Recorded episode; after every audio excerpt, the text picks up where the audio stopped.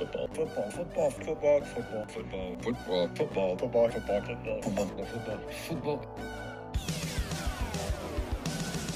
It's the football, football, football, and sometimes other sport show.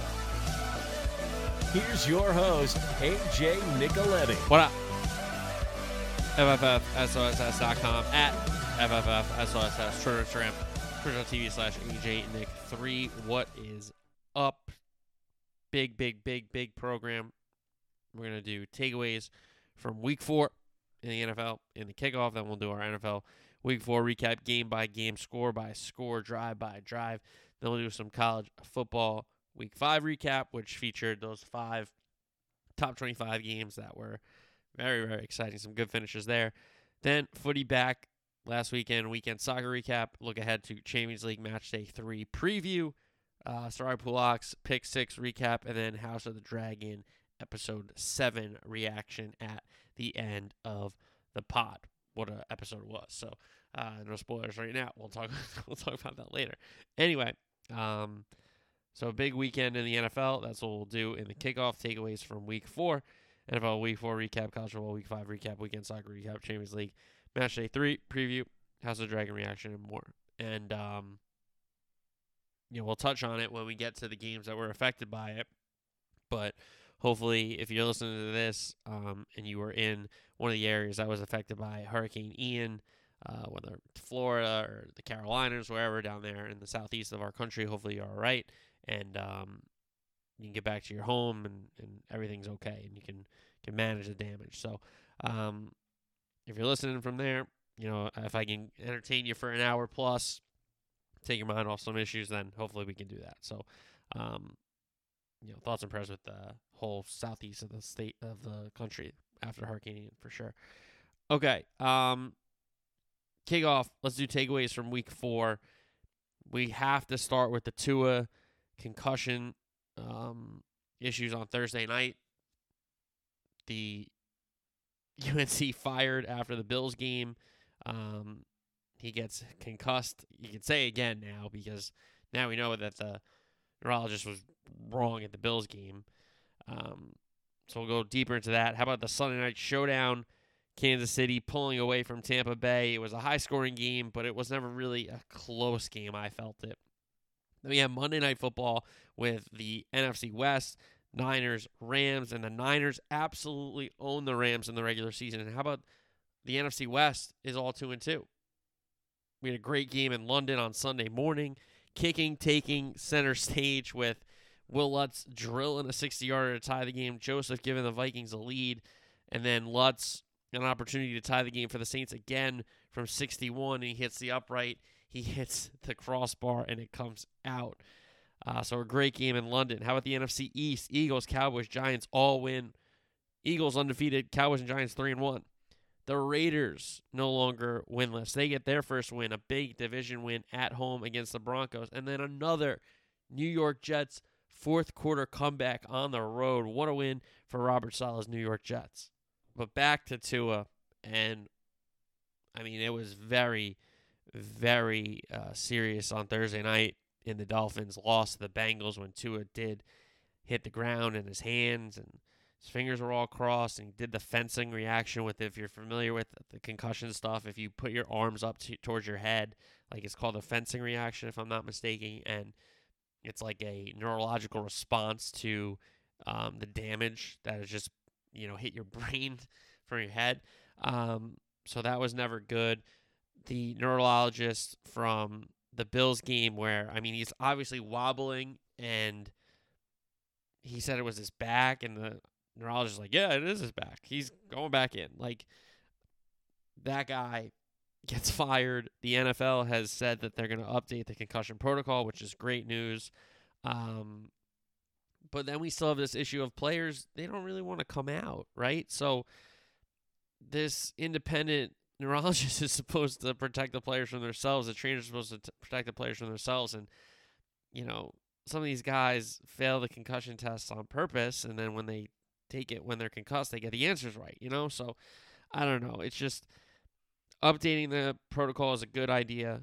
It's it's what needs to be done now, especially with the idea that we're having independent neurologists on this on this stadium grounds. I think that's great. Um, the fact that the neurologist was fired, that's a big step. And, you know, hopefully Tua can rebound from this because it looked very, very, very traumatic, very, very scary on Thursday night. And then, you know, I'm not going to give credit to the Dolphins or blame the Dolphins, but they're here from the neurologist that it was a concussion. What are they supposed to do? Yeah, you know, the neurologist said it wasn't a concussion. So it was. Like, I don't know. So it's tough. But then McDaniel saying he watched a movie with Tua on the plane ride home. Like, aren't you not supposed to look at screens? I don't know. Maybe maybe you just look at screens now. Who knows? But Tua, thankfully, he was able to move. Um, he was conscious because it was it was very scary there for for a while on Thursday night for sure. Um, so thankfully he's okay and he can return to play soon, but not too soon. Okay, Sunday night showdown. Chiefs going out of Tampa to visit the Bucks.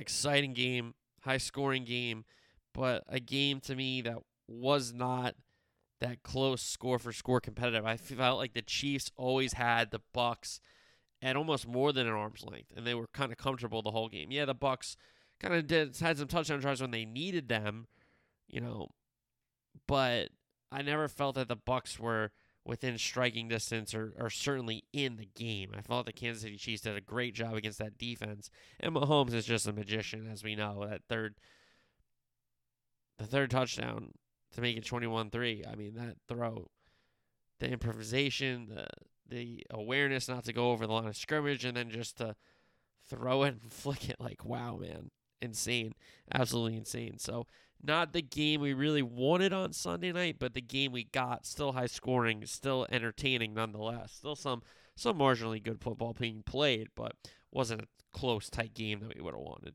Monday night, same kind of thing because the Niners really held the Rams to nothing on offense except some field goals. They got back to back turnovers late in the game when the Rams were trying to make a comeback. And offensively, the Niners looking good with Jimmy G. And they're getting the ball to Deebo, and, and Deebo goes on that crazy run for a touchdown, which is insane. Um, but how about the Niners just own the Rams in the regular season? Yeah, the Rams got them in the championship game, and then they got a ring. So that's they have ultimate bragging rights. But if they just keep losing to the Niners in the regular season, that's got to be worth something, right? Um, and that NFC West, the NFC West that everybody talked about, and how good are these three teams with LA, San Francisco, and Arizona? And honestly, I still think Seattle could be historically bad. They're all two and two. The whole division is two and two. So wild stuff in the NFC West. That game in London, on Sunday morning. Fun game. I don't really like either team necessarily. I definitely don't like Cousins and the Vikings, that's for sure. Um, but some playmakers. Obviously, you wish Winston was in because Dalton's a backup now. We know that. Unfortunate that Winston couldn't play. I think the Europeans loved it because there was a lot of kicking. So I think the people that went to Tottenham Hotspur Stadium on Sunday afternoon were delighted with the kicks, especially towards the end there with Lutz tying the game with the big kick, Joseph coming back, giving the Vikings the lead, and then again, a, a heartbreaking result to a pretty well struck ball from Will Lutz's right foot, and it goes off the upright, off the crossbar, and unfortunately out and not in. So, a, a very fun game in London. Very fun game in London. We mentioned the NFC West, the NFC East. Eagles last unbeaten team. Give them credit. Come from behind at home against Jacksonville. The Cowboys handled their business at home again with Cooper Rush, beating the Commanders in division in Arlington.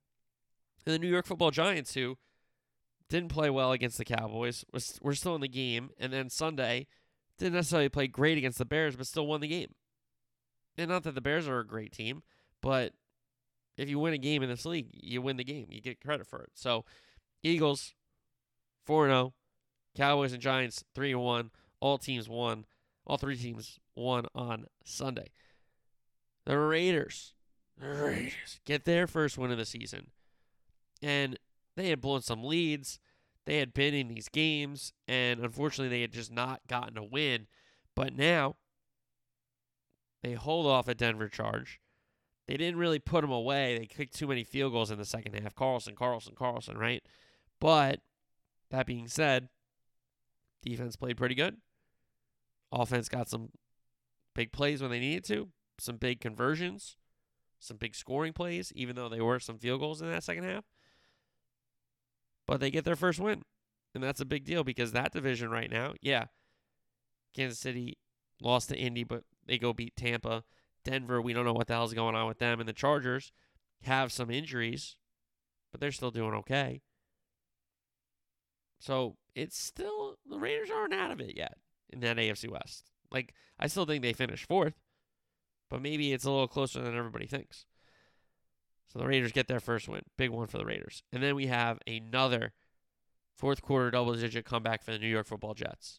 And it's not as maybe dramatic or as dire as the one in Cleveland was, but the one in Pittsburgh on Sunday was still a double digit fourth quarter comeback with Wilson throwing a touchdown pass and then leading them down the field and Breece Hall punching it in to give the Jets a lead. Then they got Pickett a third interception. So another Jets fourth quarter comeback. And hey, they're two and two, and two of those wins have been really, really uh not only dramatic, but pretty awesome wins. So give credit to Robert Saleh and the Jets. One was with Flacco, and now they got their guy back in Wilson, and he does it on the road as well. All right, let's recap NFL week four. We start Thursday night, Miami and Cincinnati. And obviously, the Tua stuff was the headlines, but there was a game still to be played when he left the game. And Cincinnati won 27 to 15. The Bengals were moving early. Burrow hits Higgins for a first down. Joe Mixon punches it in, so the Bengals up 7 nothing. Tua hit Waddle for a first down. They end up settling for a Sanders field goal, so Bengals up 7 3. Tua gets picked on an underthrown deep ball. He had him if he might have laid it out there, but underthrown for sure and picked off easily. Berta Wilcox, big play. Bengals end up turning it over on downs. They had fourth and one at the Miami 24, cannot convert. Tua to Tyreek Hill for a first down. DPI extends the drive, and then uh, a the drive ends in another Sanders field goal. So Bengals lead cut to one seven six. Tua was then injured, taken out of the game. Uh, thankfully, he had his mobility uh, in his extremities and all those things, and was conscious, as we talked about in the kickoff. Um, and Tua was out. That meant Teddy Bridgewater was in, and uh, Teddy finishes that drive off, and it ends in a Jason Sanders field goal getting blocked. So instead of taking a 9 7 lead, it's still 7 6 Bengals.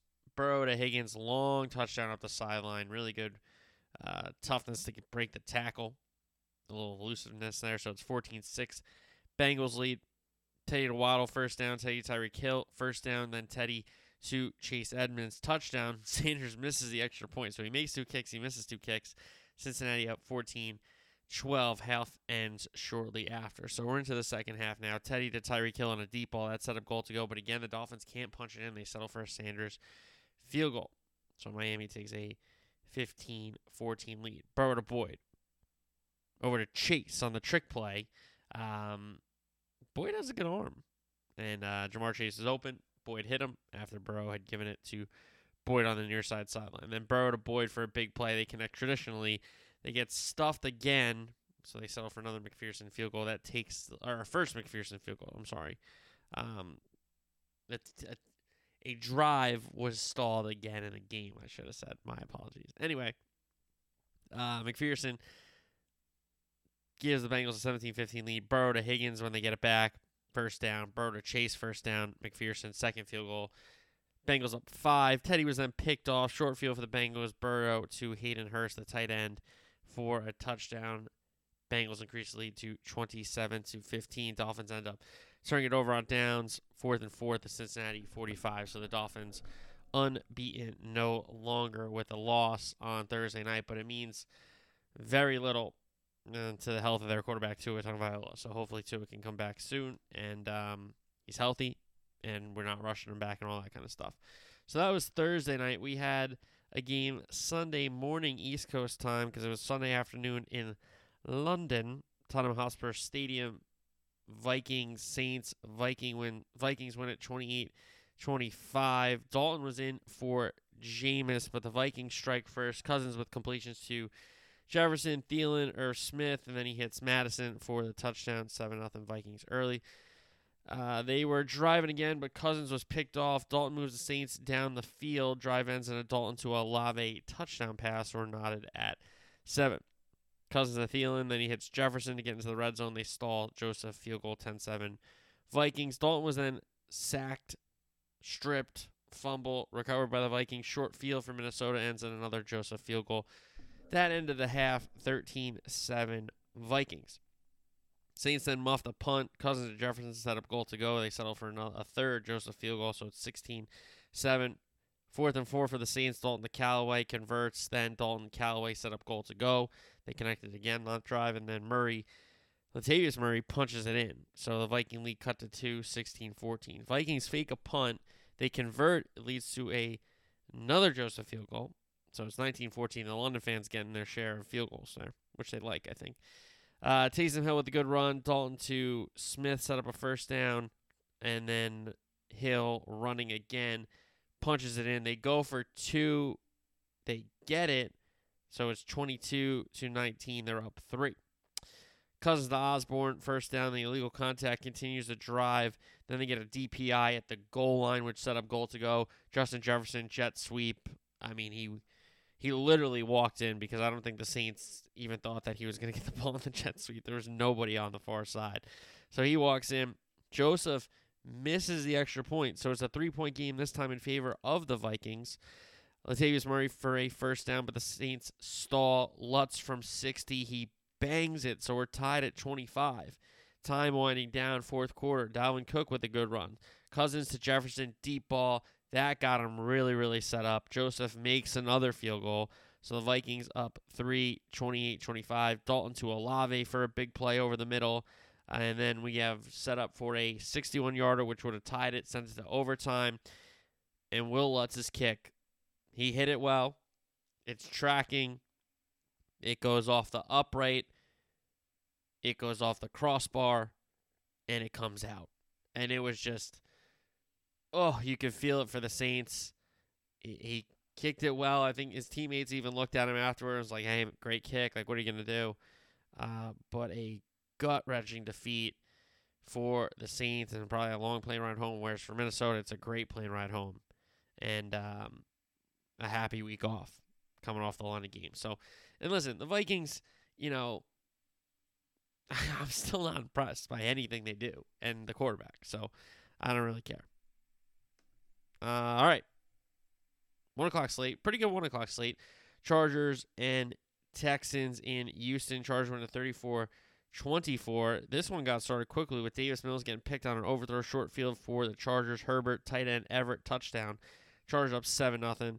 Then they had a face mask against the Chargers, set the Texans up in Charger territory, but Fairbairn misses the field goal. I mean, this was a horrendous kick. Absolutely horrendous kick. So Herbert's a Carter.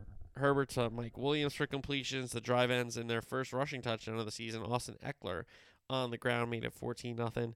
Chargers, they get it back. Herbert Williams, that's a big play for 50 yards. They connect, and then Ekeler punches it in again. So it's 21 nothing. Ensuing play from scrimmage, Pierce for the Texans, 75 yard touchdown run, and nobody was going to catch him. So, hey, Texans on the board. Back in the game, it's only two possessions now. Uh, Chargers drive it, but they stall when they get to goal to go. Hopkins field goal makes it 24 7. Then, fourth and one, Texans going for it, but Mills is sacked, so it's turnover on downs. Khalil Mack making his presence felt even without Bosa. Uh, Herbert to Bandy twice, so Bandy in line for Keenan Allen, if I'm not mistaken. So those set them up into field goal range. Hopkins makes another field goal, so we're at 27 to 7. Chargers leading to end the half. Here come the Texans, though. Mills the Cooks for a first down. He hits Akins for a big play, and then Mills Burkhead finds his way into the end zone 27 14. They get it back. Mills to Collins, another big play. Mills to Cooks, touchdown. They're within six. It's Chargers 27 21. And the Chargers fumbled the ensuing kickoff. So it's a short field for the Texans with all the momentum in the world. But the Chargers do a great job of holding them to a Fairbairn field goal attempt, which he makes. So now it's a three point game. Chargers 27 24. Herbert to his buddy Mike Williams, first down. Herbert to Ekeler for a first down. Herbert, Ekeler, touchdown. Order restored for the Chargers. They get their double digit lead back. Then Davis Mills picked. And the Chargers did a classy thing of kneeling it out, even though they knew they were going to give the ball back, at least, you know, if the clock. Um, because they, they were just kneeling it out. They didn't want to run the ball. That was it was actually kind of smart and classy, to be honest. And Chargers were in command, in control, and maybe a Charger team the last few years blows this game, but they did find a way. Give them credit. Bears Giants at a soggy MetLife Stadium. Giants win it 20 to 12.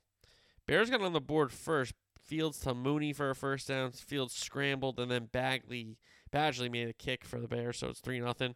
Barkley had a good run. Then Daniel Jones takes it around the edge and beats everybody to the pylon. So Giants get their lead, first lead on the day, seven three.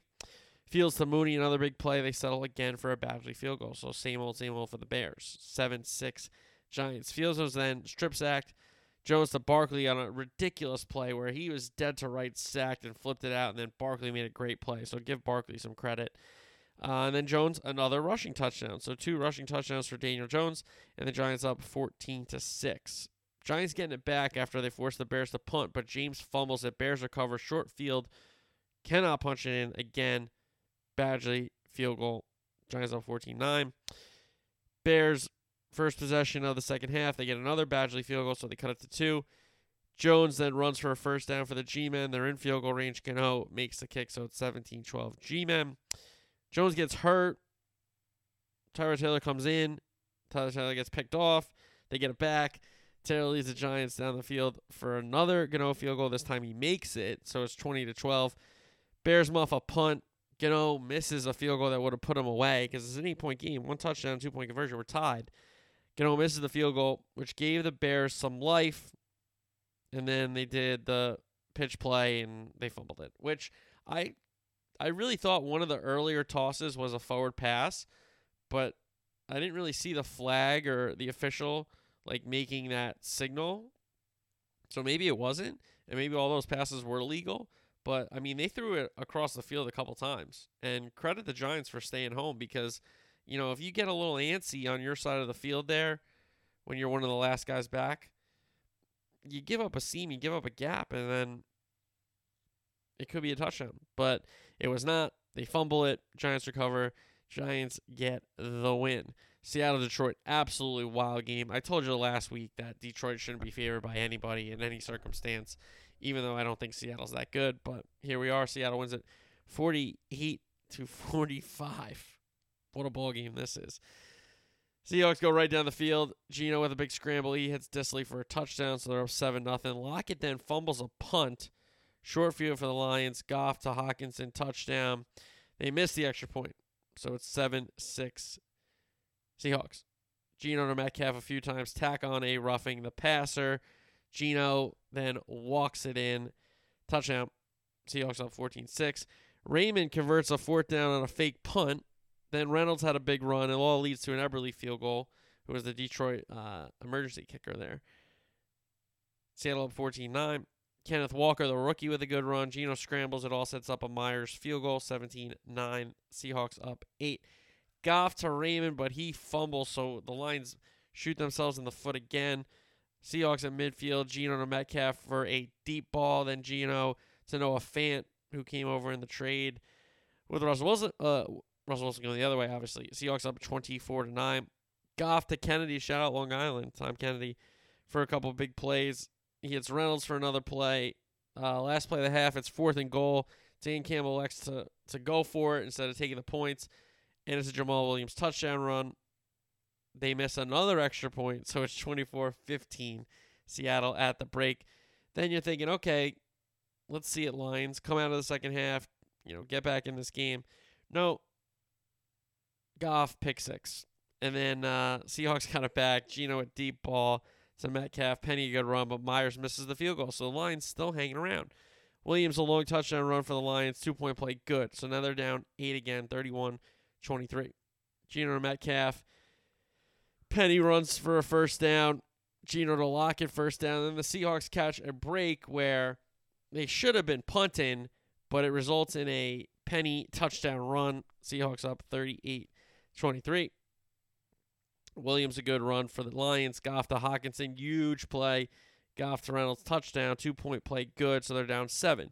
Geno to Lockett, big play into the Detroit end. They sell for another Myers field goal, so they're up 10, 41, 31, and it still gets crazier. Goff with some completions, then he hits Hockenson for a TD. Geno to Lockett first down, and then a Penny touchdown, so they're back up 10, just like that when the Lions had cut it to 41 38. They're back up 48 38. Goff, Reynolds first down, Goff, Hockenson first down, Goff, Reynolds touchdown. Seahawks up 48 45, and then they recover the onside kick. And then the Lions had their timeout, so the Seahawks needed a first down to run the clock out, and they eventually got that first down. So that's how that one ends in Detroit. A wild one. Wild one there.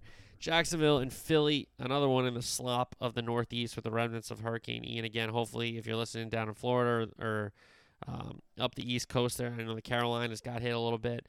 Um, and if you're listening, hopefully you're all right and you can get the, the help you need for your house and, and anything like that. And hopefully nothing too serious happened. And if it did, I, am truly sorry for that.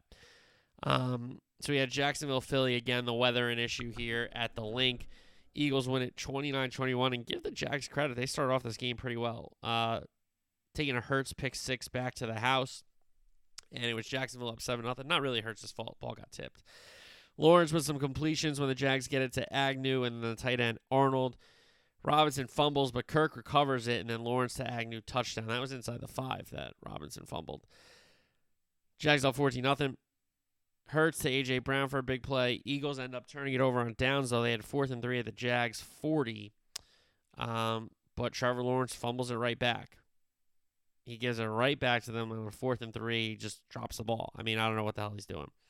So Hurts to Brown, and then Goedert on a, a, big play on a screen pass to the tight end. That sets up goal to go. They're on fourth and goal. Hurts, touchdown run, 14 7, the Jag lead. Cut to.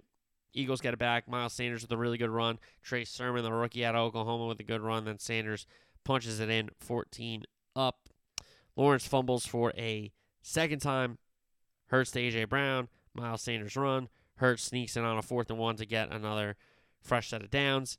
And then kind of a read option, but kind of a give to Gainwell right up the middle. Well blocked, and he made the right cuts to find the holes to get into the end zone. So Gainwell touchdown, but Jake Elliott misses the extra point in the condition, so it's 20 to 14. Jags were driving, but Lawrence was picked going in. He lofted the ball too much, had to throw it on a line more. And the Bradbury, I think, came up and got it, if I'm not mistaken. So then we had Sanders with a big run. Elliott field goal good, but he got roughed. So the Eagles and Sirianni elect to take the points off the board and see if they can get a touchdown. They end up getting stopped on a third down, so they kick an Elliott field goal. Anyway, he makes it, so it is Philly 23 to 14. Lawrence then fumbled a third time, so the condition's a big problem for Trevor Lawrence. Short field for the Eagles. Miles Sanders touchdown, two point play, no good. So the Eagles up 29 to 14. Lawrence to Kirk for some gigantic chunk plays. Then he hits Agnew again for the touchdown. So they're down eight, 29 21. And then the Eagles were driving to end the game. They turn it over on downs, fourth and three at Jacksonville 21. And then you're thinking, okay, you know, maybe the Jags have something in them. They get a touchdown, they tie the game. Who the hell knows? But Lawrence fumbled the fourth time. And that was a fifth giveaway from Trevor Lawrence. So the Eagles remain unbeaten. Jacksonville again playing tough, uh, hanging in there, scoring some points, but clearly not enough on the road in Philly. And listen, Philly for all the people that like Philly has no hold, let's relax a little bit. Okay. The defense isn't that great. I mean, it's good. It's not the best defense in the division, that's for sure. But it is a good defense. And offensively, they do have some inconsistency. And there's some play from the quarterback for sure. And I might not know who their best running back is, but you know, listen, AJ Brown and Smith are amazing, an amazing one too. And if Jalen Hurts can continue to develop, they'll be fine. But let's not go annoying anybody in September. Okay. All right. Jets, Steelers out in Pittsburgh. The Yinzer, the Yinzers were not happy after this one, folks. Another Fourth quarter comeback for the Jets. Jets went at 24 to 20. Mitch was picked off early in this one. Short field for the Jets resulted in a Greg the leg field goal. So Jets up 3 0. They get it back. Wilson to Elijah Moore twice for some big gains, some trunk plays, and then they run the Philly special. Berrios hits Wilson out of the backfield. Touchdown, Jets up 10 0. Mitch to George Pickens for a first down. Najee Harris had a good run. The drive ends in a Boswell field goal. So, so the Steelers on the board. Jets up 10 3. Wilson got picked on an overthrow when they were going in. Mitch gets picked on the last play of the half, but there's a roughing call. And since there's a roughing call, there's an untimed down. And since there's an untimed down and a 15 yard penalty, they attempt the long Boswell field goal from 59, and he makes it. So the Jets up 10 6 at the half instead of 10 3. Coming into the third quarter, Mike Tomlin makes the change. He goes to the rookie Kenny Pickett instead of Mitch. So Pickett in, and his first throw, he's picked off on a deep ball to Chase Claypool. And honestly, I know he's double teamed, but Chase Claypool, make a tough catch, man. And if you're not going to be able to make a tough catch, make sure they don't pick it off. So that was really bad by Claypool. He should have done better. That's a soccer term. Anyway, Zach Wilson gives it right back. Minkah Fitzpatrick, a great pick. Give him credit. Uh, sets up goal to go for the Steelers. Kenny Pickett sneaks it in. Touchdown. Steelers lead 13 10. Then they get it back. Pickett to Pickens. They convert a long third down. Pickett to Freiermuth. Goal to go. Pickett sneaks in his second touchdown, rushing touchdown. So Pittsburgh up 20 to 10. But here come the Jets. Wilson to Garrett Wilson, first down. Fourth and four. Wilson to Corey Davis for a first down, and then Wilson comes back to Corey Davis. They find pay dirt. Pittsburgh lead cut to 20 to 17. Pickett then threw another interception on a tip ball. I wouldn't really, I wouldn't really kill him for this one either. Um, Zach Wilson, Corey Davis, first down. Zach Wilson to Breece Hall, first down. Zach Wilson to Corey Davis, first down, and then Breece Hall. And it looked like the Steelers were letting him score, and then somebody made a tackle, and then they tried to not let him score, and then he scored. So Breece Hall gives the Jets their lead back. It was 24 to 20. And then on the Hail Mary to end the game, Kenny Pickett throws a third interception. And again, I wouldn't say either three are really his fault, but they go down as his picks, unfortunately. And hey, I talked about it in the kickoff. Give credit to these Jets, not quitting on the road. You know, everybody going crazy for the the rookie comes in, he gets two touchdowns. You go down twenty to ten, and you get a touchdown, you get another touchdown. Give the Jets some credit. Give the Jets some credit. Cleveland and Atlanta.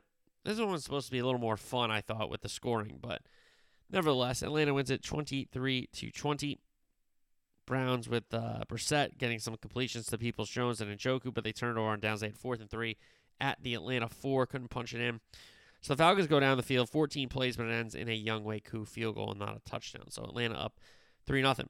Brissett then comes back to Njoku, but he fumbles. Short field for the Falcons. Cordarrelle Patterson, touchdown. Falcons up 10 0. Browns then get it back. Fourth and one, Brissett sneaks it. Then he scores on the ground to make it 10 7 Atlanta. Chubb with a good run when the Browns get it back. Brissett to Peoples Jones for a big play. York field goal. We're not at attempt. Half ends shortly after second half action. Mariota picked off short field for the Browns. Ends in another York field goal. So the Browns take a 13 10 lead. Then it was the Huntley drive for uh, Atlanta. He punches it in after carrying the ball, really the whole field. Atlanta up 17 13. So the home team with their lead restored. Hunt with a big run sets up Nick Chubb with a big run, touchdown. Browns, they take the lead back 20 to 17. Then we had a Williams good run. Allgeier had a big run for the Falcons. It ends in a Younghoe Koo field goal that ties it at 20. Falcons get back. Mariota Zaccheaus, big play. Another Younghoe Koo field goal gives Atlanta a 23 to 20 lead. And then Brissett trying to get his Browns back down the field, at least tie the game. He gets picked off. Falcons kneel it out. Big win for the Falcons. Hey, give Falcons some credit. It's a nice win for them at home. Tennessee and Indianapolis. And I'm going to tell you something. I understand Indianapolis beat Kansas City. Indianapolis is not a good football team. Okay? Because this Tennessee Titan team isn't that good either. And Tennessee did everything they wanted to do against that team in the first half and then did enough in the second half to to, to secure the W. Okay. And Titans win it 24 to 17. Colts were driving early. They get to midfield, but Ryan gets sacked. He fumbles. Tannehill scrambles for a first down, and then he hits Woods. Touchdown. Titans up 7 nothing. They get it back. Tannehill to Henry, and then Okonkwo for first downs, and then Derrick Henry punches it in. 14 nothing Titans. Uh, Ryan to Grayson for a first down. Ryan to Pittman for another first down that moved the chains. Ryan a big play to Parris Campbell. He hits Alie-Cox for a fresh set of downs, but they stall for a McLaughlin field goal. He makes it. Titans up 14 3. Tannehill Robert Woods tack on a roughing the passer call that gets them close to field goal range. They get into field goal range eventually. Bullock field goal, Titans up 17 to 3. Matt Ryan then got picked off, so a short field for the Titans again. Derrick Henry touchdown. Comes back on a hole, but then Tannehill to Okonkwo. Touchdown, Titans up 24 to 3. Ryan to Parris Campbell again. They connect for another first down. Ryan to Woods for 33. That set up goal to go. Ryan to Alie-Cox. Touchdown. So the Colts into the end zone, down 14. Titans led 24 10. Titans get into field goal range. They cannot get the attempt off before the half ended. Some really, really poor clock management by Tannehill and company, uh, trying to get a score at the end of the half. Anyway, go to the second half. Ryan appears first down. He gets Grayson again. That set up goal to go. Ryan, Alie-Cox, touchdown. They connect again for dirt. Titans up 24 to 17. Colts get it back. Ryan Alie-Cox first down. Taylor then fumbles. They get it back again. Ryan appears. Big play, but they had fourth and 21 after Ryan gets sacked in the red zone. So you can't go for fourth and 21, right? Well, they tried out McLaughlin thinking, you know, yeah, if we get a touchdown, we tie the game. But if we get a field goal and then we get a touchdown, we win the game. So they're thinking, let's at least get a score just to set up the onside kick. And McLaughlin misses it. I mean, he misses it. It's no good. Titans end up running the clock out and securing the road win because the Colts stink. And I told you that. Okay. Commanders, Cowboys down in Arlington, the Dallas Fort Worth area, if you're not familiar. Um, Cowboys win 25 to 10. By the way, let me just say this. These commander alternates are horrendous. Okay. I thought we were the Cowboys were playing this like a Steelers.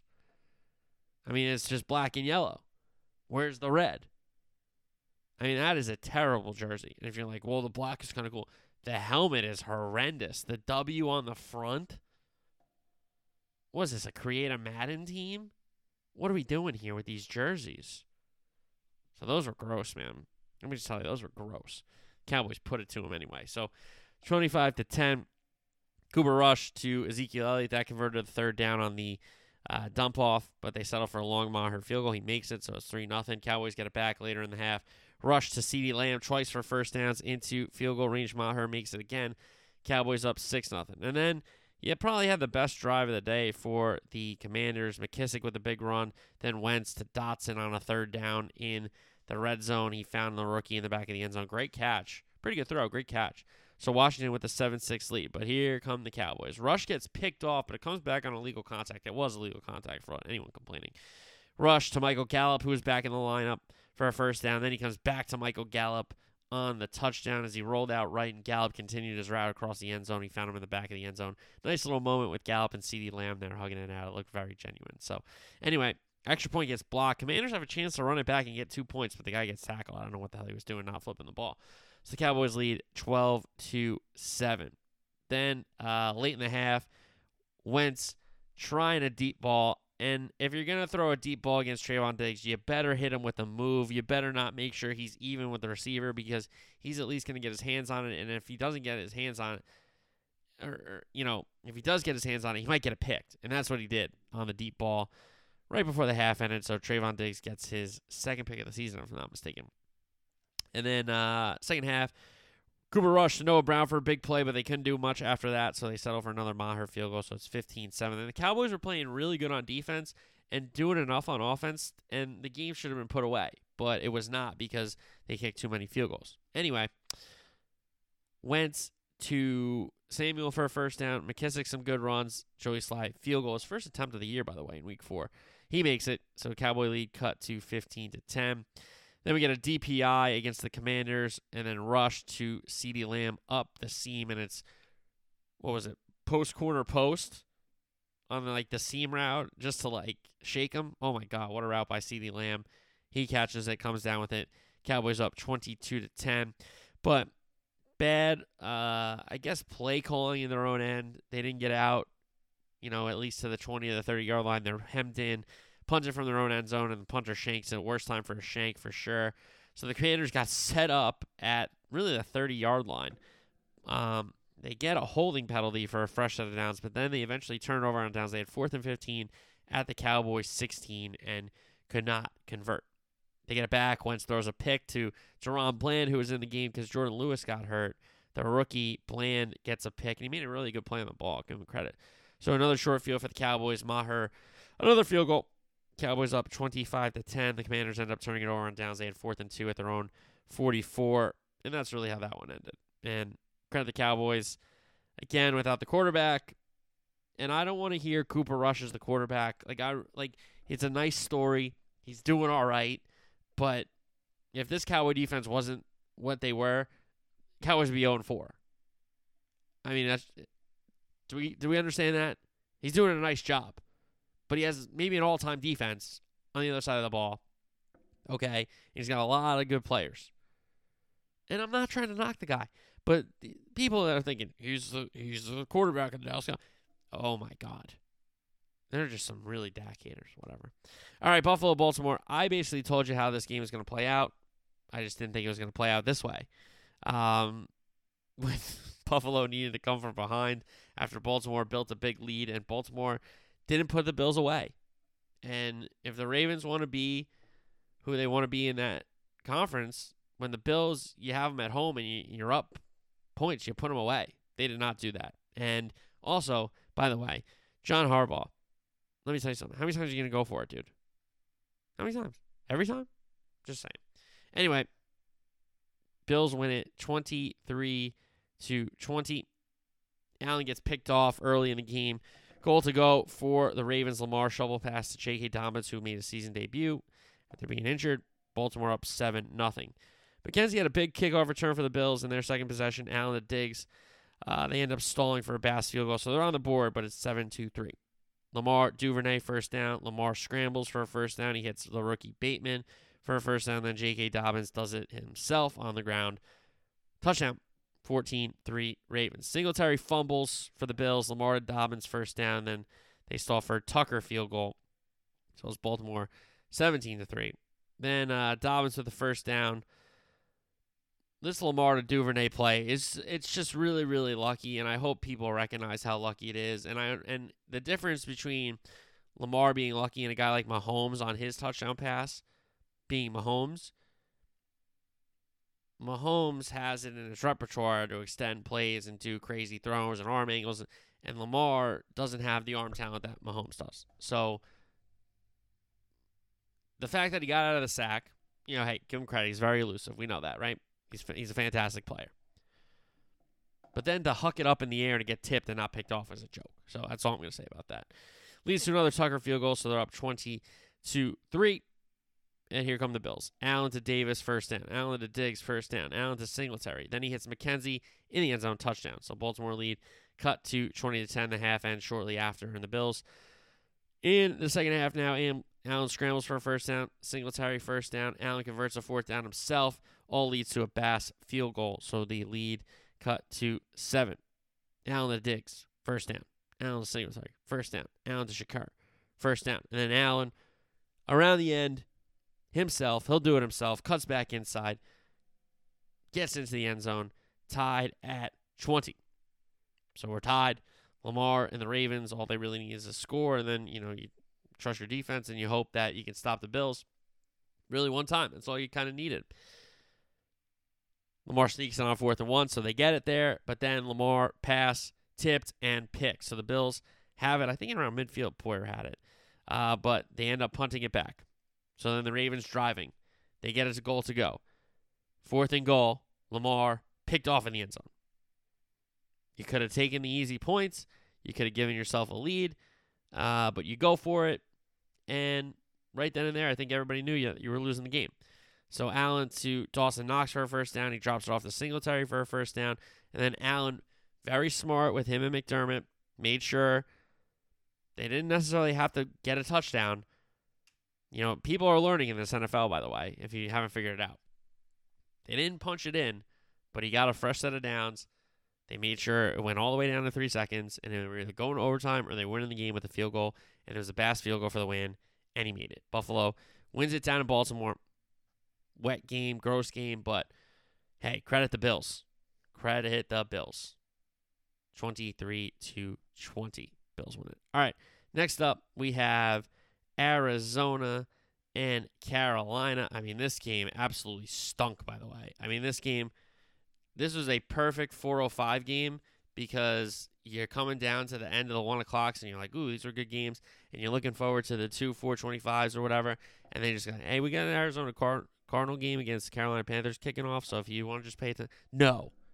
This game stunk. Cardinals win it, and they should have won it. So 26 to 16. Panthers end up turning it over on downs early in the game. They had fourth and one, their own 39. What the hell are you going for at your own 39 in the first quarter? But here we are. Benjamin had a nice run for the Cardinals to get them a fresh set of downs, but they turned it over on downs. They had fourth and one at the Carolina 10. At least that's fourth and one at the 10. And then your opponent's end, not yours.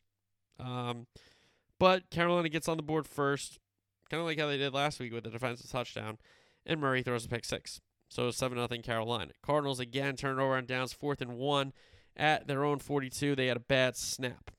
Baker Mayfield then fumbled. Murray to Hollywood Brown, first down. He hits them again for a first down. They stall for a Prater field goal. Carolina up 7 3. Bake was then picked, but the Panthers get it back. Bake to Tommy Tremble, the tight end out of Notre Dame. Nice prospect. Good player. For a first down, then a Piñeiro field goal. Puts Carolina up 10 3. That ends the half. Coming out of the second half, Murray to Connor, first down. He hits Ertz for a big play. They get a DPI that sets them up with goal to go, and then Murray finds Ertz as tight end again. Touchdown. We are knotted at 10. Cardinals get it back. Murray to Hollywood Brown. They've connected again, first down. Williams, a nice run for the Cardinals. Then Murray runs for a 10. They get an unnecessary roughness flag later in the drive, gives them a goal to go, and then Prater uh, kicks it for a field goal. So the Cardinals up 13 10. They could not punch it in that time. Bake picked off again. Goal to go. Murray, touchdown 20 to 10. Panthers turned over on downs. They had fourth and one at their own 31. So a short field for the Cardinals again. Murray to Brown. Touchdown, two point play fail. So it's 26 to 10. Bake to McCaffrey. Big play. It's Tommy Tremble for a first down. Then Bake, McCaffrey, touchdown. They go for two. They don't get it. So they're down 10.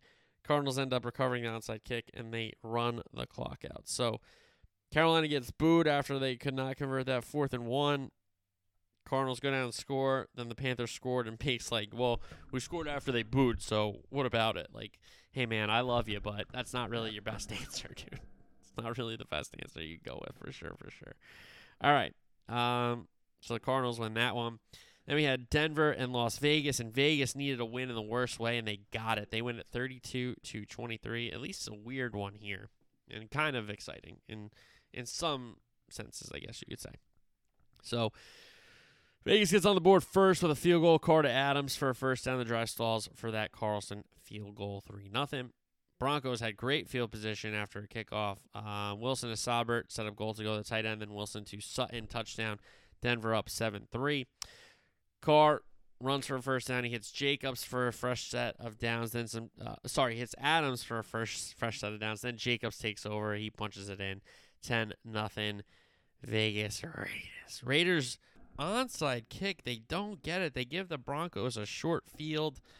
Wilson and Jeudy big play, but it only ends in a McManus field goal. So we're tied at ten. Gordon then converted a fourth and one for the Broncos when they got it back, but then he's running hard. He gets stripped. Raiders pick it up, scoop and score all the way at the other end of the field. Um, so they got scoop and scored against the Cardinals in overtime to lose. Then they scoop and score to give themselves a lead. Missed extra point by Carlson, who really never misses. So that was weird. 16 10. Then Wilson to hit Hinton, big play. Wilson to Jeudy, touchdown. And McManus misses the extra point. So really weird with these two kickers because they're usually pretty good. Uh, Carr to Hollins, Carter Adams. Carr scrambles all these for first downs. Carlson field goal makes it 19-16 Raiders at the break. Coming out, Carr to Adams. Jacobs with the big run. They settle for another Carlson field goal. They get it back. They get another Carlson field goal. Uh, that made it 25-16. Wilson scrambles, then he hits Wilson. Uh, Wilson hits Sutton for a big play, then a deep ball to KJ Hamler. That set up goal to go. He almost scored it. He should have scored, to be fair. And then we get a Wilson touchdown. So Vegas lead cut to 25 to 23. Carr scrambles for a first down. Carter Adams for a first down. Jacobs good runs, set up a white run on a toss play. Uh, that converted a third down, and then Jacobs punches it in, so it's 32 23. The Broncos ended up turning it over on downs. They had fourth and five at their own 30, and the Raiders run it out. So Josh McDaniel gets his first win back as a NFL head coach against his former team. How about that? So, all right, New England and Green Bay. Green Bay wins in an overtime, 27 24. And I don't think the Packers, Aaron Rodgers, Packer fans, I don't think anybody thought this game was going to be like this, especially when Hoyer, who was in for Mac Jones, got hurt and was out. So, uh, but he started the game. To Agholor with a big play. Pat's driver for a Folk field goal, 3 0. Rodgers to Dobbs, one of the young guys, but he fumbles. Hoyer gets hurt. In comes Zappe out of Western Kentucky, Hilltopper. Packers get it at the 50. Jones and Dillon's on the ground. Then a Watson touchdown. Packers up 7 to 3. Pats drive it, but Zuppy, Zappe, sack fumble. Uh, but Rodgers throws a pick six. So New England up 10 7, and the half ends shortly after. Coming out of the break, Rodgers to Lazard for a first down. Uh, Aaron Jones with some good runs. Then Rodgers, Tonyan touchdown. The big tight end gives the Packers a 14 10 lead. But here come the Pats. Zappe to Bourne, first down. Damien Harris runs for a first down. Then Zappe, DeVante Parker into the end zone, touchdown. New England, they're up 17 14.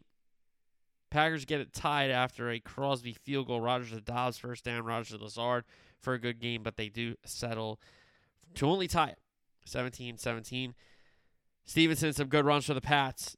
Zappe to Agholor, first down, and then Damien Harris, another good run. This one in pay dirt. Listen, he is a good back. They have a lot of good backs. Uh, touchdown for Damien Harris. New England up 24 to 17. Rodgers down seven. They need to tie it, and they do. Rodgers to Cobb first down. He hits A.J. Dillon out of the backfield for a first down. Dillon has a good run. Then Rodgers, Dobbs, touchdown. 24 up. Pat's punt. Rodgers thought he won the game. He threw a deep ball to um, Dobbs. Incomplete. Packers challenger was dumped a challenge. I mean, the ball was clearly out. Um, but I guess you got to try it, right? So we are tied at uh, 24-24. Packers punt it after that. Pats punt it back, and the Packers have time for one play. They don't go Hail Mary. They go pitch play. It doesn't work. So we go to overtime. Packers win the toss. They go three and out. And then New England themselves go three and out. And then the Packers move down the field. Rodgers to Lazard, first down. He hits Cobb for a first down. A.J. Dillon, some good runs. And it all set up a Mason Crosby field goal to win it. And since we're not talking about a tie, you know he made it. Green Bay wins it 27 to 24. So a big win for the Packers. And even Rodgers said after the game, to play this way, to win this way, is not sustainable. And he's 100% right. I mean, it's just not. It's just not. So, all right, Sunday Night Football, Kansas City and Tampa Bay down there in Tampa. Again, lucky we could get this game in, and it didn't really hit the Tampa area that tough. But, you know, Hurricane Ian did hit some areas tough. And if you can give money, give money to the Red Cross. They know what they're doing. So, all right. Um, Chiefs went at 41 31. This is kind of flattering scoreline to Tampa because I never thought they were like ever in the game to win the game because it just started off so horrendously. I mean, the Bucs fumble the opening kickoff. Two plays later, Mahomes, Kelce touchdown. Chiefs up seven nothing. But Bucs get back into it. They score a field goal after Brady had some completions to Fournette. Brate, Godwin back in the lineup. We know Evans off suspension. Uh, that set up the Succop field goal, so they're on the board. KC up 7 3. Mahomes, Kelce for first downs twice. Then Edwards Helaire, big run. Then Edwards Helaire punches it in himself. Kansas City 14 3. Then uh, KC driving again. Mahomes, Valdes-Scantling, big play. And then we had an unreal touchdown, which is Mahomes scrambling, approaches the line of scrimmage, doesn't go over, and then kind of just flicks one to the back corner of the end zone. Edwards Helaire by himself. It falls right under him and he catches it. I mean, that was outstanding. It's just outstanding play. So, Edwards Helaire, that touchdown pass from Mahomes, they're up 21 to 3. Brady to Evans, big play. Brady to Brate, another good game. Brady comes back to Evans, touchdown, 21 10 lead, cut to Chiefs. Move it a bit, but they end up turning it over on downs. They had fourth and one at the Bucs 34, but Brady gets strip sacked when they're just trying to get back into it. Short field already in the red zone. They run a little trick play with Gray coming under center with Mahomes, kind of distracting people, looking to the sideline. Gray sneaks right under the center of the tight end, walks it into the end zone, touchdown. Hey, give Pacheco some credit, by the way. He didn't score, but he had a good game at Rutgers. Uh, so it's 28 10. Brady Godwin connect, and then Julio Jones for first downs. Uh, Brady Evans touchdown. Back in at 28 17, the half ends shortly after. Chiefs, uh, first possession in the second half, they drive it for a Succop field goal, so it's 31 17. They get it back. Mahomes, Valdes-Scantling for a big play. Mahomes to Skyy Moore, the rookie for a first down. Mahomes, Fortson, one of the other tight ends. Kansas City up 38 17. Brady answered. He hits Evans for a first down. That goal to go. Uh, White touchdown. They got a goal to go after a penalty, I should say, and then a White touchdown. So it's 38 24. Mahomes scrambles, Mahomes, Kelce. It all results in a right field goal to make it 41 24. Then Mahomes gets picked off, unfortunately. Short field for the Bucks. Brady Fournette touchdown, and that's how it was a 10 point game 41 31 for the Chiefs. So, as I talked about in the kickoff, the Sunday night showdown, not the best game, certainly high scoring, but um, didn't really feel in the balance. Let's just say that. Didn't really feel in the balance. So, uh, those are the games on Sunday. Let's go to Monday. NFC West, big matchup on Monday Night Football. Niners win it 24 to 9 over the Rams, and they have their number. They have their number in the regular season. Uh, Rams got to start with a field goal. Stafford a Kupp from, first downs, but he takes a sack in the red zone. They settle for a Gay field goal, so they're up 3 nothing. Jimmy G to Aiyuk. Then he hits Jennings twice for some good completions. They punch it in with a 32 yard Wilson touchdown run, so the Niners up 7 3.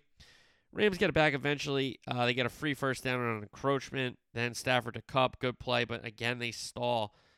They just did not block well and did not execute in some big, big situations. So another Gay field goal. San Francisco up 7 6. Niners, and this touchdown, Jimmy G throws it high for Deebo. He goes up and gets it one. And then he breaks about, I don't know how many tackles, runs how many yards, and he's into the end zone. I mean, it was an unbelievable touchdown. It was a great catch, one. And then two, not a lot of people can score from where he caught the ball and with how many defenders he had to beat. And he's like one of the guys. So a ridiculous touchdown, catch and run. Niners up 14 6. Um, and then Jimmy G throw it, threw it away to end the half. So technically the Niners turnover on downs. Um, second half, Stafford found Kupp multiple times. Akers converted a fourth and one in illegal contact, kept the drive going. Stafford to Kupp set up goal to go, and he should have been picked on third and goal, but they again have to settle for a Gay field goal. So the deficit 14 9 uh, for the Rams. Niners up. Niners then fumbled the ensuing kickoff, but the Rams couldn't catch a break. They do recover. Jimmy G to Juszczyk, huge play up the sideline. Wilson a good run. Juszczyk run, set up goal to go. Then Jimmy G to Kittle initially ruled a touchdown, but he was not in. Robbie Gould makes a field goal. Niners up 8 17 9. Niners get it back. Good punt return. Third and 13. Jimmy G to Deebo. Wide receiver screen. Huge gain. But they stall. So they tried out Gould to make another field goal. You think he'll make it because he's a very good kicker, but he misses it. So it's still an eight point game. The Rams have a chance. Stafford to Higbee first down. He hits Kupp for a first down, but then he throws a pick six on a screen. Was not set. Ball was late. It was not thrown with um, enough power to beat the closing uh, Hufanga from USC. He's got a second pick of the year, by the way, the rookie. So that was a pick six on a wide receiver screen. So the Niners up 24 9. And then um, Stafford converts a fourth and 10 at the 9 or 37. Stafford to Kupp, but then he fumbles. Niners recover. They eventually seal the win, and that is how everybody is 2 and 2 in the NFC West. What a week four in the NFL. All right, let's go to the student athletes now. College football week five, we had the five ranked top 25 matchups. Bama against Arkansas. Bama wins at 49 26. The storyline here, Bryce Young being hurt and knocked out of the game. Um, the Bama rushing game really picked up. The quarterback came in, Milroe came in and started running the ball. This was a game of runs. I mean, this is a basketball game. Bama had a 28 nothing lead. Then Arkansas answered with 24 points of their own. Or sorry, 23 points of their own. They they went for two. They didn't get it. So a 23-0 run.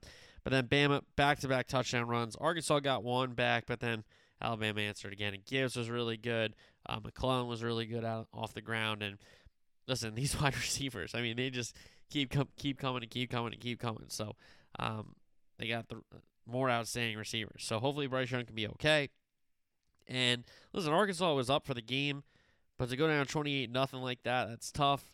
They responded really, really well. Give them credit to get back in the game. Sam Pittman's Hogs did, but Bama absolutely just too much in this one for the Razorbacks. NC State Clemson. Clemson wins at 30 to 20. Honestly, the scoreline kind of flatters NC State a little bit. I know it was a close game, good like like uh it wasn't really a close game. It was a hard fought game, battle game.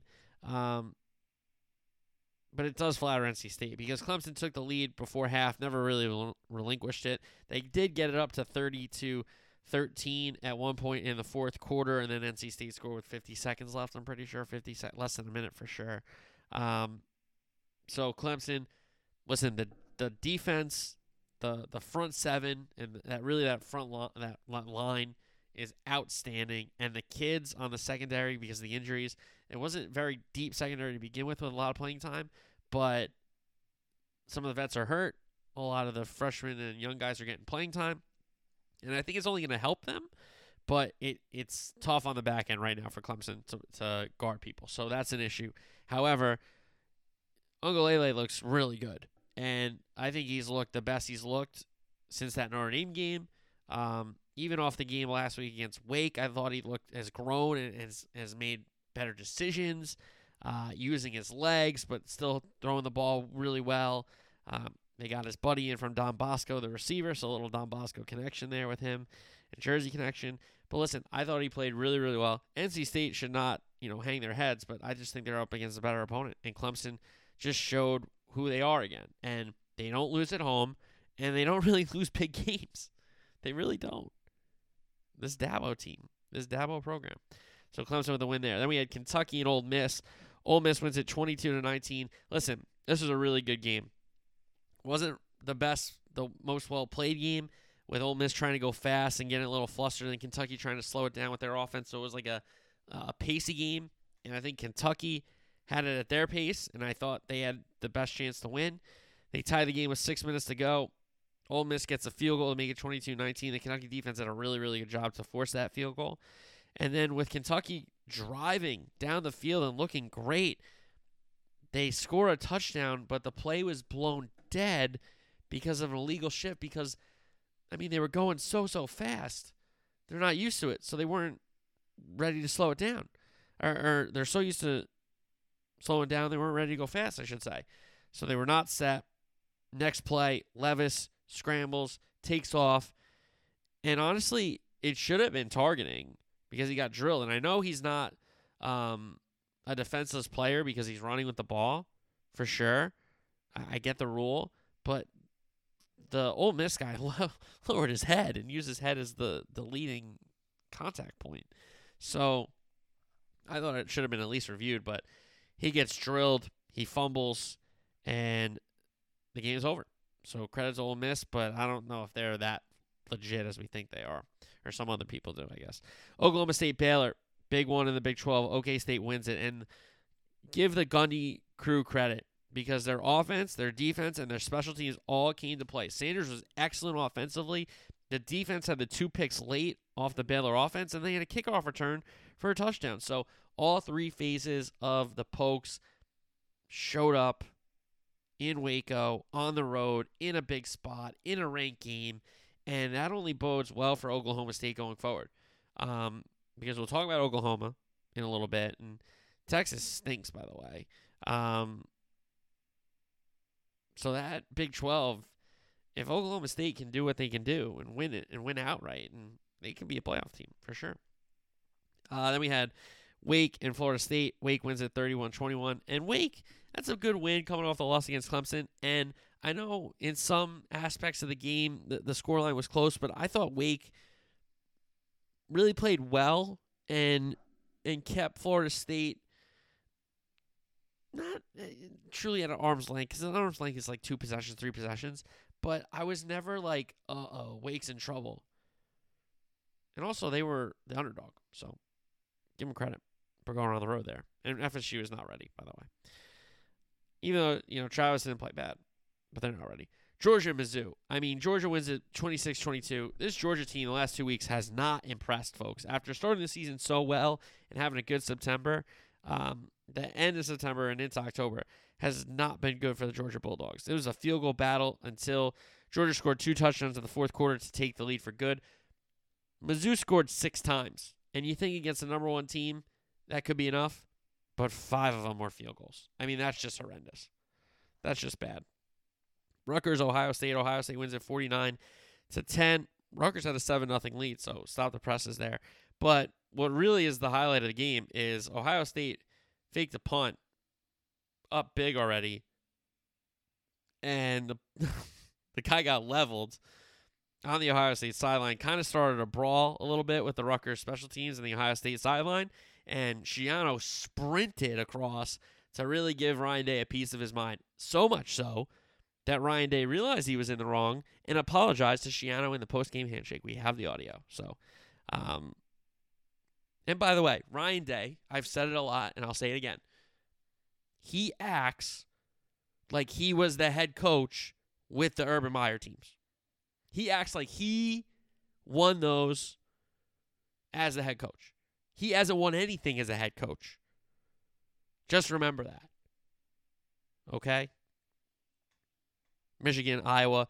Michigan wins at 27 14. Again, another scoreline that flatters the loser because Iowa was not in this game. I mean, they got two fourth quarter touchdowns to make it a little interesting, but Michigan was in control this whole game. Give credit to Michigan. Um, Arizona State, USC, late night. USC wins at 42 to 25. Caleb Williams, three touchdowns for the Trojans. They got a pick late to almost pick six it, but they did not for the cover. Northwestern and Penn State. Penn State, not really impressive, but still a win. 17 7, low scoring. Northwestern, we know, is tough and gritty, and they do all those little things right. Um, and they hung around against Penn State, but Penn State did enough. Oregon State and Utah. Utah wins at 42 16, rising. Three touchdowns through the air, one on the ground for the Utah quarterback. Stanford and Oregon. Oregon wins at 38 to 10. Are the Ducks back? Bo Nix, four total touchdowns for Oregon. Washington, UCLA. UCLA wins it 40 to 32, and UCLA should be ranked. Um, they held off the Washington fourth quarter charge. Penix had four touchdowns on the win, but um, Thompson Robinson was pretty good. DTR. So give him credit. Uh, then we had A&M and Mississippi State. Mississippi State wins at 42-24. Give Will Rogers and Mike Leach a ton of credit, but we know that A&M is a completely different team without Ainias Smith. And also, they're just not as good. That's just a fact. Oklahoma TCU. Oklahoma season over after TCU destroys the Sooners. Horned Frogs win at 55 to 24. The OU defense is bad. We thought they were good. They are bad.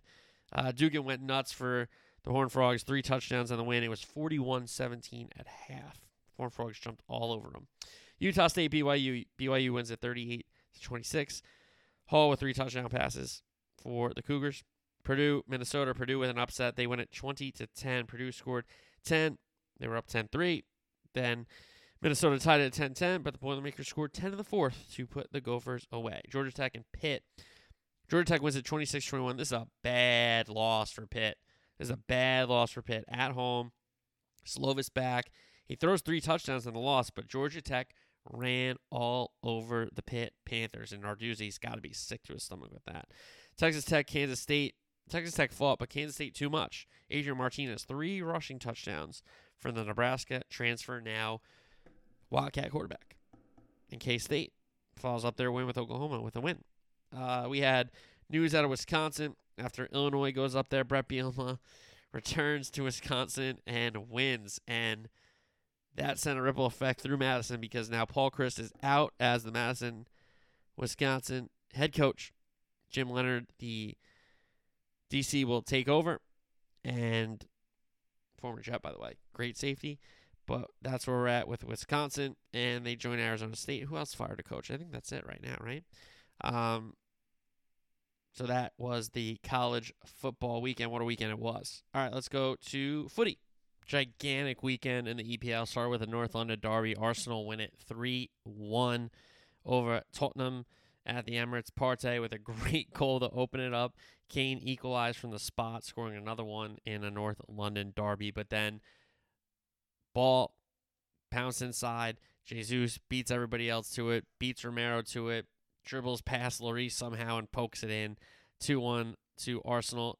Uh, Royal was sent off, straight red, as he deserved one. I mean, it was horrendous.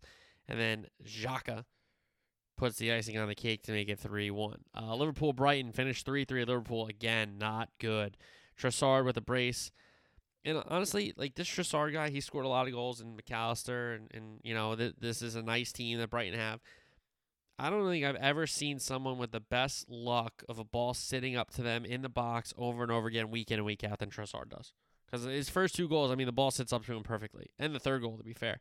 Uh, but Bobby Firmino gets a brace um, to level it. An own goal gives Liverpool a second half lead, and then ball goes through Van Dijk somehow. I don't know how the ball went through Van Dijk. and it goes through Van Dijk. and then Trossard's there, and it sits up for him, and he scores. So, three three. That one finished at Anfield. Uh, Bournemouth Brentford was a goalless draw. Crystal Palace Chelsea, big one at Selhurst Park, London Derby. And with Crystal Palace again, kind of just, you know, taking taking the pressure and then scoring on the counter, which they did. Edouard brought it forward, then he played it out to Ayew, and Ayew found him on the cross, so it was 1 0 Crystal Palace. Uh, Thiago Silva probably should have been sent off for a handball, but he stays on the pitch and provides the assist to the equalizer, who was Aubameyang, who first goal for Chelsea in his Chelsea debut in the. So we're on level terms. We're on level terms for a very, very long time. Conor Gallagher comes on against his former team while he was on loan at uh, Crystal Palace. He's the player of the year. Now he's back with Chelsea. Pulisic driving run, lays it off to Gallagher, and Gallagher with a brilliant strike to give Chelsea the three points in the London Derby. Fulham and Newcastle. Newcastle win at 4 1. Fulham were down a man early. Chalobah got sent off. Callum Wilson scored. Miguel Almiron had a great goal off uh, Guimaraes assist. Longstaff beat everybody to rebound. And then Almiron again going the other way this time at the back post. Made it 4 0. Cordova Reid brought one back for Fulham, but pure consolation. Southampton Everton. Goalless first half, and it kicked off in the second half. Aribo got the hosts up one, but then really two and two, if it seemed like it, for Conor Coady with his first goal for Everton after a really great job on a set piece for him to be open, and then Dwight McNeil, his first goal with the club to give Everton the 2 1 lead, and they held on at St. Mary. So a big win for uh, Frank Lampard's Toffees. West Ham and Wolves. West Ham win at 2 0. Scamacca with his first goal for West Ham, and then Jarrod Bowen in a, a great, great effort to get his goal. Wolves end up sacking Bruno Lage, and you just got to think what Portuguese guy going to bring in next because, I mean, the whole team's Portuguese, so you need a Portuguese manager. Uh, Manchester Derby on Sunday. City Pete United 6 3. Dueling hat tricks from Phil Foden and Erling Haaland. It was Foden first, who great ball and great finish. Then De Bruyne finds Haaland. Great ball, great finish. Haaland again. Great ball, great finish. Foden. Great ball, great finish. Antony with a really great goal to bring Manchester United uh, back from the dead to make it 4 1. But then Haaland again, and then Foden again to make it 6 1. Martial came on, got two goals, including a penalty in the consolation, but an absolute hammering of your city, your your neighbors at your place. 6 3. Manchester City win the derby. And for everyone being like, United's back, da da da, not quite. Not quite just yet. Leeds Villa. This one finished nil nil. Sinisterra got sent off for Leeds with two yellow cards. He kicked the ball away for a second one. That was really dumb. Even though Villa were wasting time, like in a nil nil. Like, don't you want to go for it? Whatever. Then we had Monday action. Leicester City and Forest. Forest are in trouble, folks. Leicester City, who have played horrific second halves of matches and just have not looked great, really game in and game out. When they put it on you 4 0, you know you're in trouble. Maddison, a goal was deflected. Harvey Barnes with a great strike. Then Maddison had a free kick, and then Daka got a fourth for Leicester City. La Liga, Sevilla Atletico Atletico win it 2 0 was Lorente and Morata scoring for Diego Simeone. Mallorca Barcelona Barcelona win it 1 0. It was Lewandowski for the goal there. Real Madrid Osasuna. This is the first time Real Madrid has dropped points.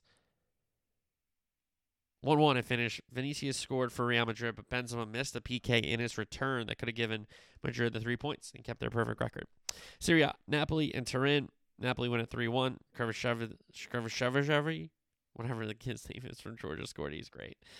I got to get his name right. Inter Roma. No Mourinho for Roma, by the way. DiMarco gave Inter the lead 1 0 at the San Siro, but then Dybala equalized, and then Chris Smalling, the former United man, gives Roma the three points. Empoli and Milan. Milan went at 3 1. Rebic and Rafael Leao on the score sheet for Milan.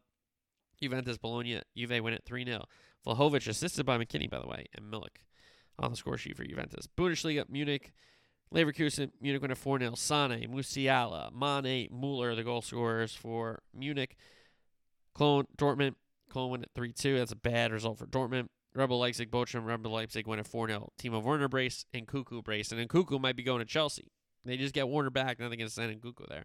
Ligue 1, PSG Nice. PSG win at 2 1. A Lionel Messi golazo free kick. And then an Mbappe winner for PSG. Champions League is back. Match day three. Group A action. Ajax and Napoli. At the Cruyff, Ajax have won a game and lost a game. Napoli have won both their games. So it's a big one there uh, at the Cruyff. Napoli, if they can continue to play well, um, should have the opportunity to win the group. If not, certainly get through it, right?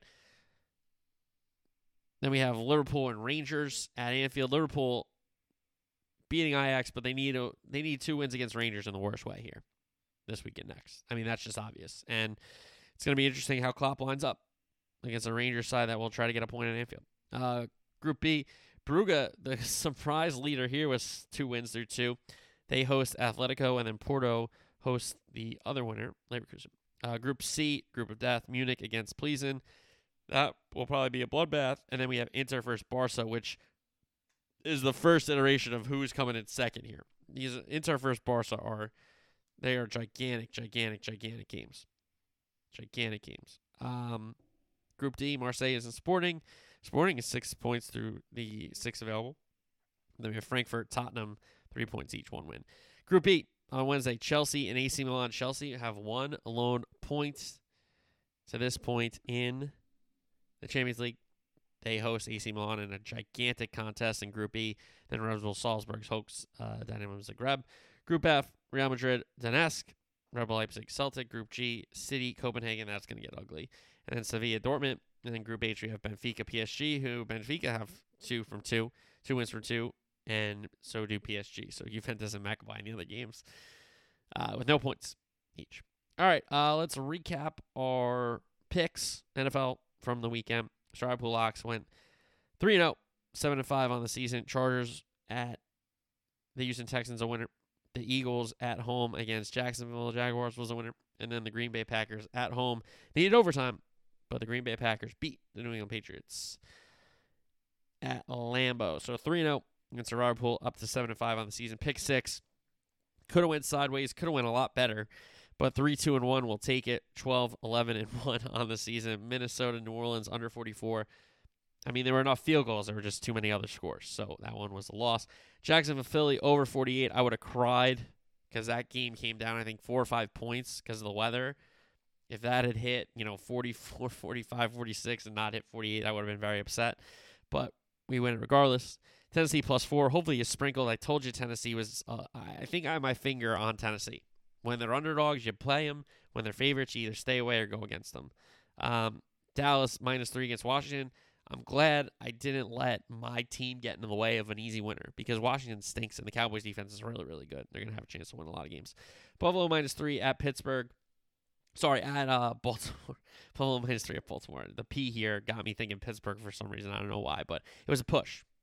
Buffalo won that one, 23 to 20. Then Denver, Vegas under 46. I tried to get greedy here and call a shot because I know the Raiders, you know, they have an offense. They're going to want to pick put up points and all that. but I thought maybe Denver with their poor offensive play would slow them down in a game like that, make it tight, make it close. But hey, we were wrong. So three, two, and one on the week, 12, 11, and 1 on the season. All right, we've gotten to the point of the program where we are putting away the sports now, and we will talk House of Dragon, HBO's Game of Thrones uh, prequel, if you're not familiar. So if you are familiar and are caught up, keep listening. I- I'd love to hear some of your guys' takes on my takes. Um, and if you are not caught up, not watching, gonna watch, have interest in watching, now is the time where you shut off the pod. Okay, so shut off the pod if you're gonna watch House of Dragon and you have not watched it yet, because we are gonna be talking about episode seven right about now. After spoilers, spoilers, spoilers, spoilers, spoilers, spoilers, spoilers, spoilers, spoilers. Okay, House of Dragon episode seven, and we are at Driftmark for Laena uh, Targaryen Velaryon's uh, funeral and we have Daemon laughing in the uh, the bloodline about thick and thin blood, and oh my god, what he can't help himself, Kenny.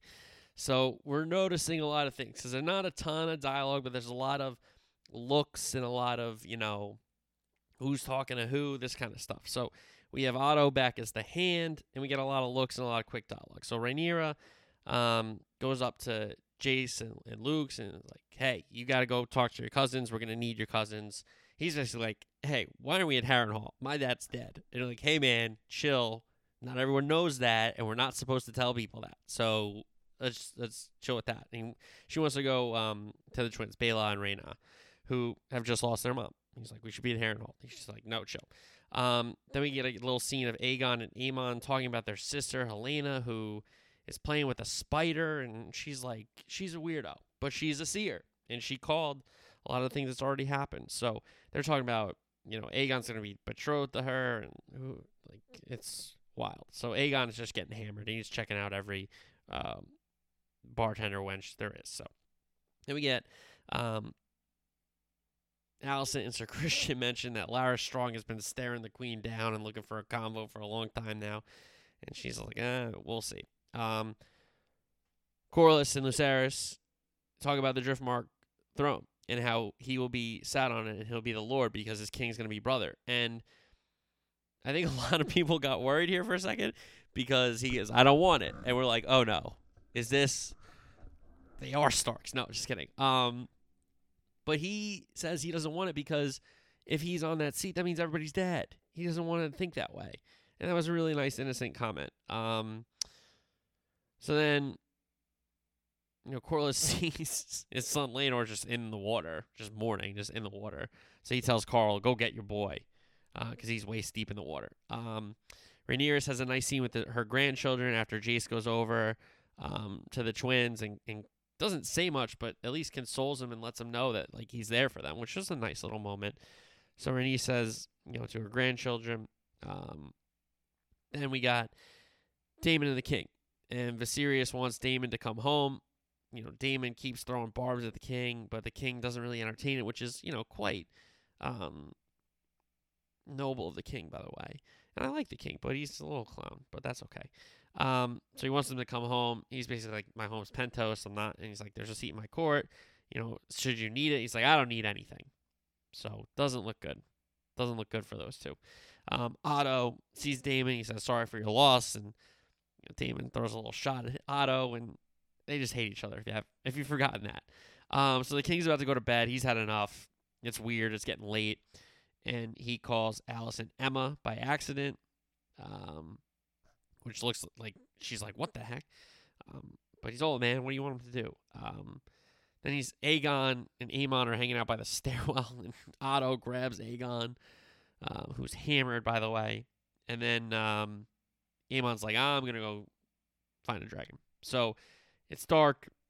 Everybody's kind of retired to their quarters. Corlys and Rhaenys are talking around the fire, and he again brings up the fact that she should have been queen and she's like, I let it go a long time ago. You're the only one that talks about it. She's basically like, you know, I want Laena and Daemon's kids, the twins, to be the lords, and and the and the Driftmark entitled to them instead of Rhaegar, uh, Rhaegar, Rhaenyra, and Laenor's kids, because they're not Valyrians, and Corlys doesn't want to hear this. He's like, the the name's all that matters. Blood doesn't matter. It's just the name, you know. And he's kind of like ignorant, like the king kind of is when it comes to this stuff. Like I think they kind of know, but nobody really wants to say it about the the parentage of their children of Rhaenyra and Laenor's three kids. They're obviously Strongs, right? We everybody knows it, right? Um, so we have all these things going on. They kind of little fight, and then Daemon and Rhaenyra are walking and talking on the beach. She doesn't think that Alicent has it in her to do what happened at Harrenhal, which obviously she didn't, but Larys did for her, right?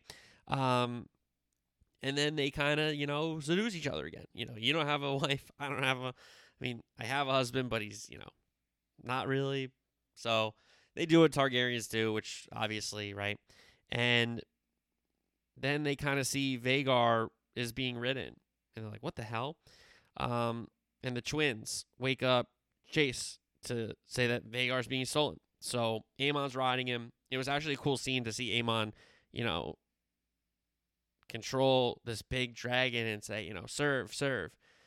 That was cool. Um, so then Aemon lands, and we got Valyrians and Targaryens versus Aemon. And he basically says, "Your mom's dead. The dragon's up for grabs. I grabbed it, and now it has Vhagar has a new rider. It's me." And the girls are like, "That should have been my dragon. That's BS. Like, what are you talking about?" Um, so much so that they challenge him, and he kind of slaps and punches them away. Jason Lucerys get involved, and he kind of beats the crap out of them, and then it gets escalated to, you know, him calling them bastards, and Lucerys doesn't really know, but Jacaerys knows, and the girls know, and everybody kind of knows, but some people, right? Um, so that gets everybody upset. Amon picks up a rock like he's gonna kill somebody. Um, that causes Jacaerys to draw his blade. Blade gets knocked down. They start sand in Aemon's eye, and then Lucerys cuts his eye. Which hell of a cut, man. I mean, you could have just gutted him or did something to him, but you went for the eyeball, which was crazy. And then the Kingsguard shows up to the commotion. Um, show me the cut, Prince he's saying, and then we have everybody summoned, and Rhaenyra walks in like, what the what, what's going on? We have the kids bickering, which reminded you of the lady scene, if you remember from season one with Arya, Sansa, and Joffrey yelling and screaming to Robert and, and Ned um, about the dog and, and the dire wolf, right? So the kids are bickering. The king calls for silence, and then we start with Alicent and Rhaenyra, you know, throwing some jabs at each other, and Lucerys even says like he calls bastards, like maybe Jacaerys said it, but he's like he calls bastards, and was like, yeah, I heard it from my brother after the king questions him, and his brother's like, he's Viserys like, who did you hear from? And he like looks around and goes, everyone knows, everyone knows. So then Viserys goes nuts. He said, anybody who talks about this, getting your tongue cut out. Um, you know, Alicent is basically like, that's not good enough. You know, you're not doing this. He demands a royal decree, and people apologize to each other and you know wish each other well. And Alicent is not having it. Um, so Alicent's pissed. She demands Sir Criston to take Lucerys' eye. what? What the?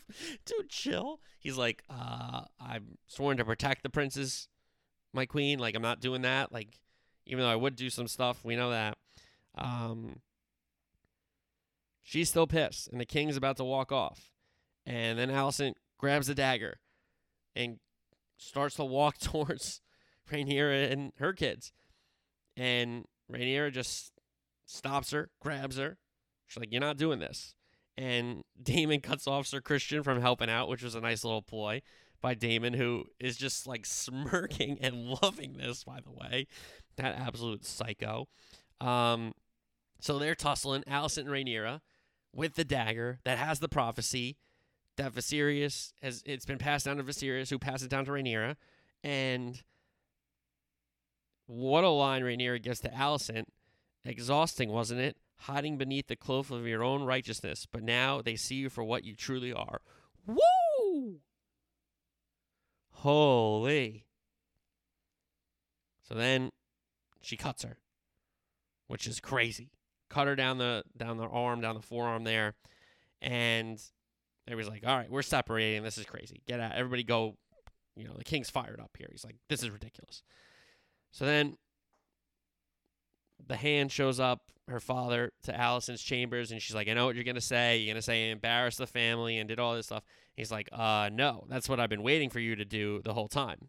And now I can see that you and I are going to play this game and we're going to win because I can, I, you can play the game now. Which Otto is sick. And Otto's like, the boy, he didn't even know what he was doing, but he got us a dragon. I mean, this is cr- this is so great. We have a, we have another dragon now. Like, he already knows what's happening.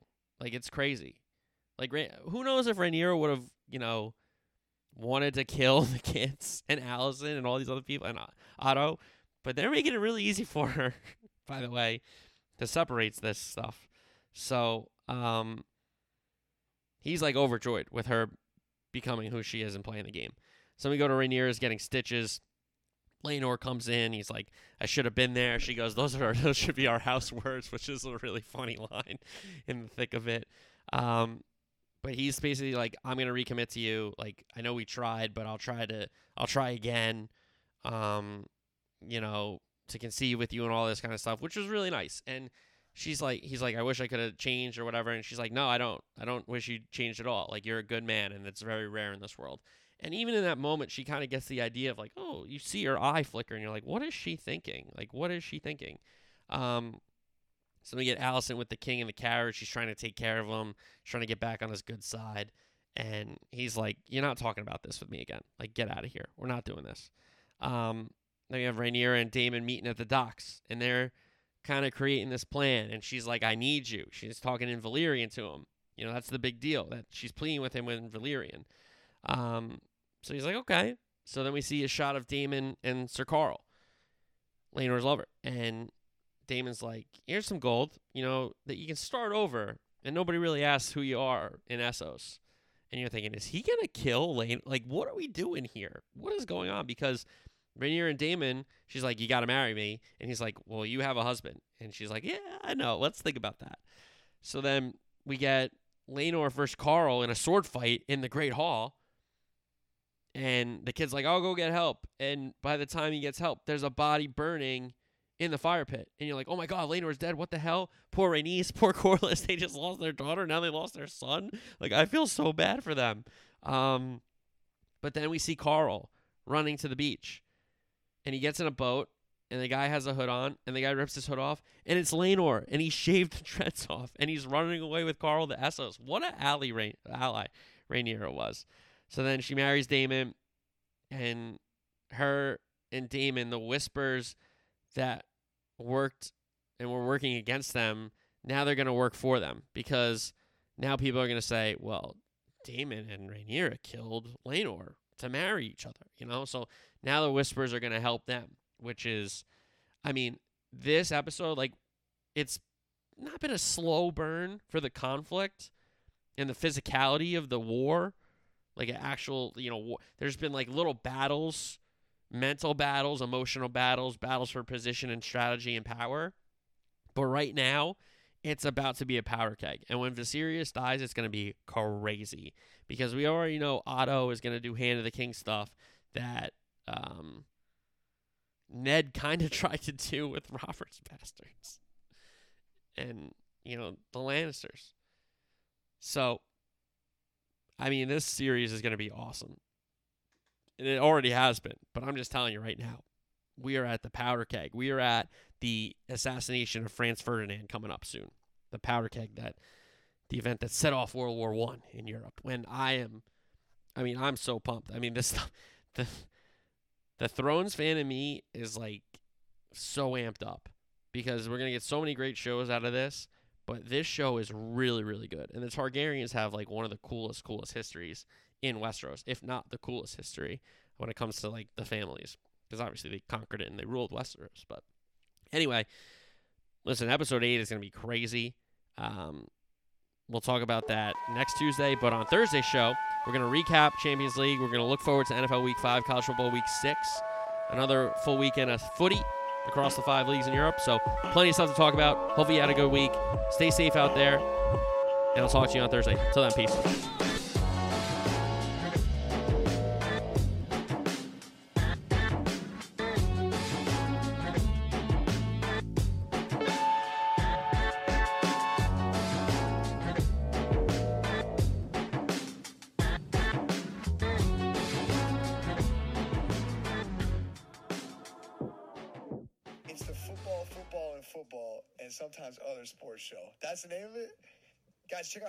Podcast. That sounds like my kind of podcast. Football, football, football, and sometimes other sports show. Sounds like me.